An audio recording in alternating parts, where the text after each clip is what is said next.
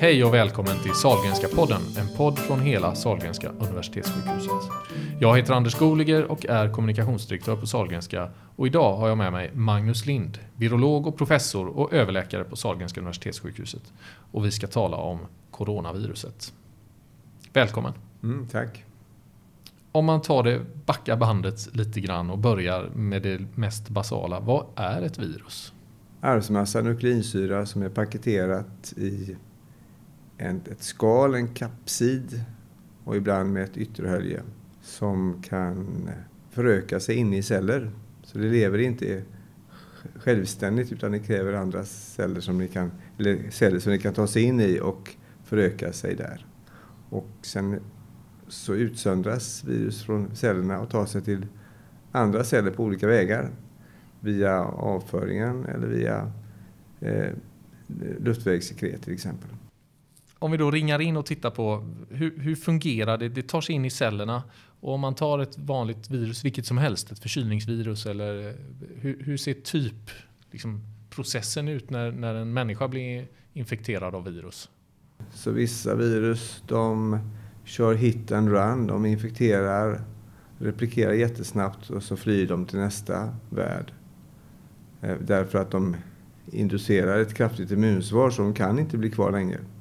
Andra virus som till exempel hepatit B-virus smyger sig på och väcker inte immunsvaret och blir istället kvar under lång tid hos samma individ.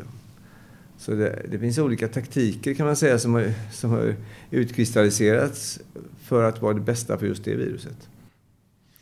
Och så har vi ju då coronavirusen som ju, det är inte bara ett utan det finns, har jag fått lära mig nu då, många coronavirus. Vad är det som kännetecknar dem?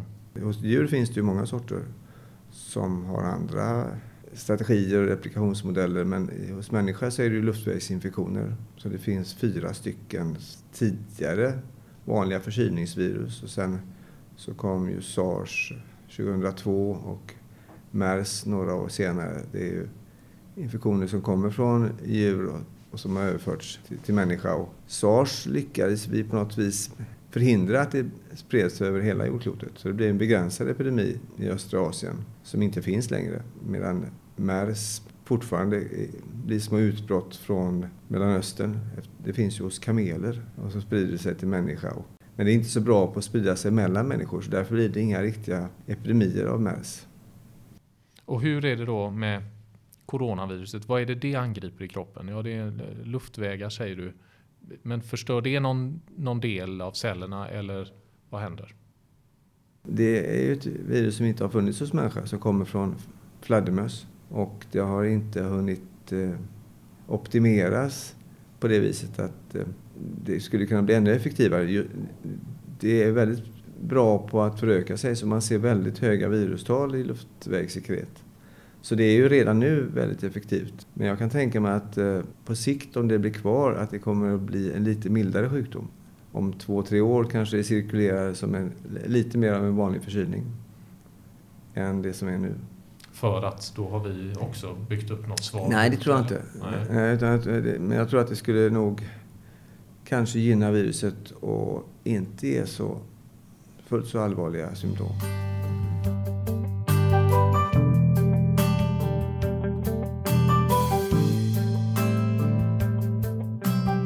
Berätta lite om din, din bakgrund och profession så att säga. Vad, vad gör en virolog? Man ansvarar för diagnostiken egentligen. Vi, vi har ju inte hands-on. Det är ju personalen som gör alla testerna och som jobbar fantastiskt hårt nu. Vi eh, finns i bakgrunden och ser till att det är hög kvalitet på testerna och bedömer resultat, ringer ibland till kliniker för att diskutera fynd och sådär detta coronavirus är ju helt nytt så jag gissar att det var inte så att ni hade någon testmodell för det på lager utan ni var tvungna att sätta upp ett test och designa ett test. Hur går det, den processen till? Det var redan kartlagt av kineserna på ett tidigt stadium i början av året, hela arvsmassan för coronavirus. Så det fanns tillgängligt på, på nätet att ladda ner från något som kallas för Genebank då kan vem som helst egentligen tanka ner arvsmassesekvensen med lite kunskaper i hur man gör, designa ett sånt här test, DNA-test som man kallar det, eller PCR-test, där man genom att göra en sorts startsekvenser baserat på kunskapen om virusets arvsmassa, sätta till enzymer och byggstenar, så kan man sedan i ett rör kopiera DNA till enorma mängder genom att man värmer och kyler upprepade gånger under ungefär en och en halv timme. Och då får man så mycket DNA så att det blir påvisbart, egentligen nästan hundraprocentigt säkert, så kan man säga om det finns coronavirus eller inte. Det som vi väntar på är ett snabbtest som går att köra på instrument som finns placerade på Klinisk kemis akutlab. Det har vi haft nu ett par år för influensatester mm. som kan ge svar snabbt. Och samma instrument kan ge svar på corona, men det fick FDA-godkännande som det heter för en knapp vecka sedan. Och det finns inte att få tag på i Europa. Vi hoppas att det kommer om ett par veckor, men det är osäkert. Vi har gått från att, att i mitten av februari, när vi precis satte upp den här testen, så hade vi under de första veckorna tre tester om dagen. Mm. Och sen exploderade det till 300 tester om dagen på bara några dagar. Och det klarar vi med samma personal. Så de jobbar ju enormt hårt. Hur går det till? Vad, vilken personal krävs för att göra? Du får in de här topsarna då? I... Ja, de, de ska, först ska de, så väljer det in prover som står på, på bänken och så ska de sortera dem och, och, strukturera arbetet, mata in alla data i labbdatasystemet och så in i första maskinen som renar RNA. Och sen över till nästa maskin som kör PCR-tester och sen ska man ta hand alla resultaten och sen ska man ringa ut svaren till alla som otåligt väntar. Alltså det var eh, fullständig kalabalik här första helgen när det hade exploderat. Telefonen ringde oavbrutet för folk ville ha sina svar. Personalen arbetade och jag satt och svarade kan man väl säga. Så jag var telefonsvarare i början där.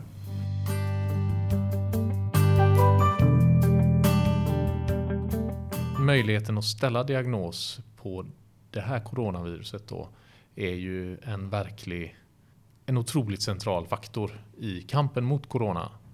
Om man säger så. Att göra många tester har vi hört talas om här. Både statsminister och folkhälsomyndighet har ju talat om detta. Vi behöver testa mer. Man tittar på Sydkorea. Man säger kan det vara en framgångsfaktor där att man har haft mycket tester. Och ja, om du skulle ge ditt perspektiv. Varför är tester och diagnos viktigt? Det ena är att man vill ta reda på vad epidemin tar vägen. Hur många finns det i samhället egentligen? Och en helt annan aspekt är att man för den enskilde patienten vill veta, är det verkligen corona eller är det någonting annat? I början så testar man ju alla misstänkta fall för att upptäcka varje fall och för att smittspåra på varje fall och det tog enormt mycket resurser i anspråk. Och efter bara två veckor så bedömde man att det inte höll att ha en sån strategi. Så då gick man över till att bara testa utvalda grupper, alltså patienter som lades in på sjukhus som hade misstänkt infektion och vissa andra nyckelpersonalgrupper till exempel som var exponerade. Och det var nog nödvändigt men man tappar samtidigt koll på epidemin i och med att man inte testar dem ute i samhället som, som hade de typiska symptomen. Mm. Så det gör att vi inte riktigt vet nu hur många det är. Så det är, liksom, det är förstås viktigt att testa patienterna för att hitta de som har infektion. En väldigt viktig grupp är också de som troligen inte har corona men som läggs in på sjukhus av andra skäl och har symptom som kanske skulle kunna vara corona med lite hosta och då vill man vara helt säker på att de inte har det. Och det är nästan den största utmaningen att det är väldigt många sådana patienter där man behöver snabba svar för att kunna hantera dem på, handlägga dem på rätt sätt är det alltid liksom ett binärt svar som går ut så att säga? Det, det, det, antingen blir det positivt eller negativt. Det finns ingen gråskala i de här testerna. Det är både och. Alltså det är plus och minus. Men så finns det, i plusset finns det en skala som inte alla förstår kanske eller är medvetna om. Att man kan mäta hur mycket virus det är. Mm. Så när vi får resultatet så ser vi om det är tusen viruspartiklar i det här näsprovet eller en miljard. Det där kommunicerar vi till infektionsläkarna för de vet vad det här betyder. Det har ju förstås betydelse för smittrisker. Man pratar om superspreaders det handlar ju inte om vad de här personerna gör, att de beter sig på ett vis så att de sprider. Utan det är förstås hur mycket virus de har. Har man en miljard viruspartiklar i en sån här toppspinne, då är det enormt mycket som kan spridas från luftvägarna. Och det är förstås de som smittar.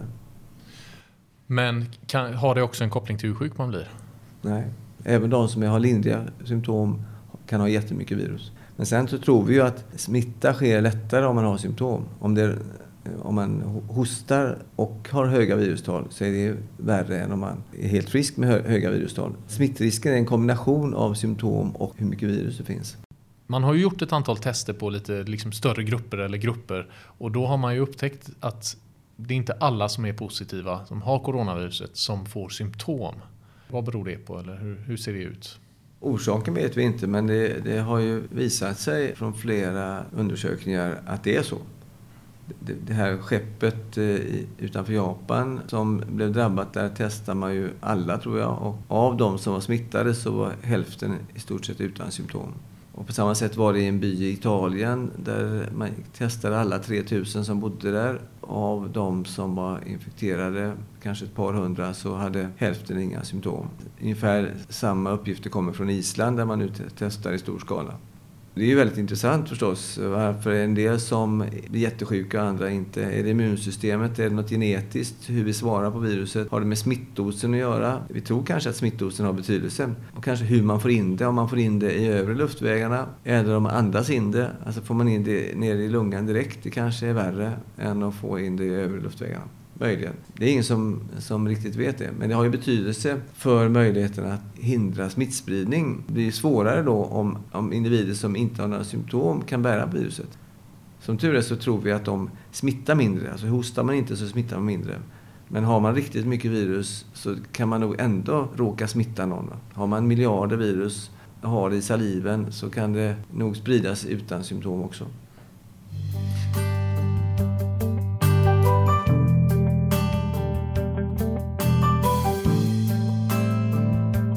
Människa och virus genom historien. Vad är det vi upplever nu? nu ja, spanska sjukan var 100 år sedan och vad kallar man det, asiaten på 50-talet. Och är, är det, kommer det, det hör till var 50 år eller? Det, det är ju väldigt korta tidsperspektiv egentligen, det här 100 år. Så det kommer ju säkert att hända upprepade gånger. Men vilken form det blir är svårt. Det kan bli mildare eller den här typen av halvallvarliga. Sen kunde man ju tänka sig att det kunde varit mycket värre om det hade varit något som var lika virulent som man säger som ebola som spred sig lika effektivt så skulle vi ha en enormt mycket värre situation. Mm. Är det överhuvudtaget stoppbart om du tittar på andra så att säga, epidemier eller virusutbrott eller så? Eller är det, det är någonstans är det, det är ofrånkomligt att är du mottaglig, har inte immunitet, du kommer att få det så småningom. 100 procent så att säga om du inte bosätter dig ensam på en bergstopp effektiviteten i spridningen bygger på att viruset kan föröka sig väldigt effektivt. En del är jättesmittsamma och det har det här viruset lyckats med. Så det finns ju tillräckligt många som är enormt smittsamma för att det ska spridas vidare. Och än så länge så är ju alla mottagliga. Så det är ju hittills ganska enkelt. Sen vet man inte när det har gått ett varv. Finns det tillräckligt många som är mottagliga då? Det beror på hur immuniteten står sig över tid och hur många som har haft det första gången. Jag tror att det, inte, det är nog inte tillräckligt många för att man ska få den här flockimmuniteten som man pratar om. Utan jag tror att det kommer att komma tillbaka en vända till när det är tillräckligt många i befolkningen som är mottagliga. Och då går det ett varv till. Men sen, för att det ska fortsätta ytterligare, så krävs ju att viruset förändrar sig. Så att den immuniteten man har inte duger. Och så kan man bli smittad en vända till. Oftast mildare då. Så, det är så jag tror ändå många tror att det kommer att bli. Att det kommer mm. att bli som en, en infektion som cirkulerar men där vi genom förvärvad immunitet inte blir lika sjuka. Men en, en del då som inte har haft infektionen kan förstås bli svårt sjuka om inte viruset blir snällare med tiden. Det, det vet vi inte heller. Va? Om, det blir, om, om, viruset ändrar sig så att det inte blir lika patogent som vi säger, då kommer ju de som inte har blivit naturligt immuna ändå inte bli så sjuka. Så man kan hoppas på att det blir liksom en process så att det går över till en vanlig förkylningsinfektion utan de här komplikationerna.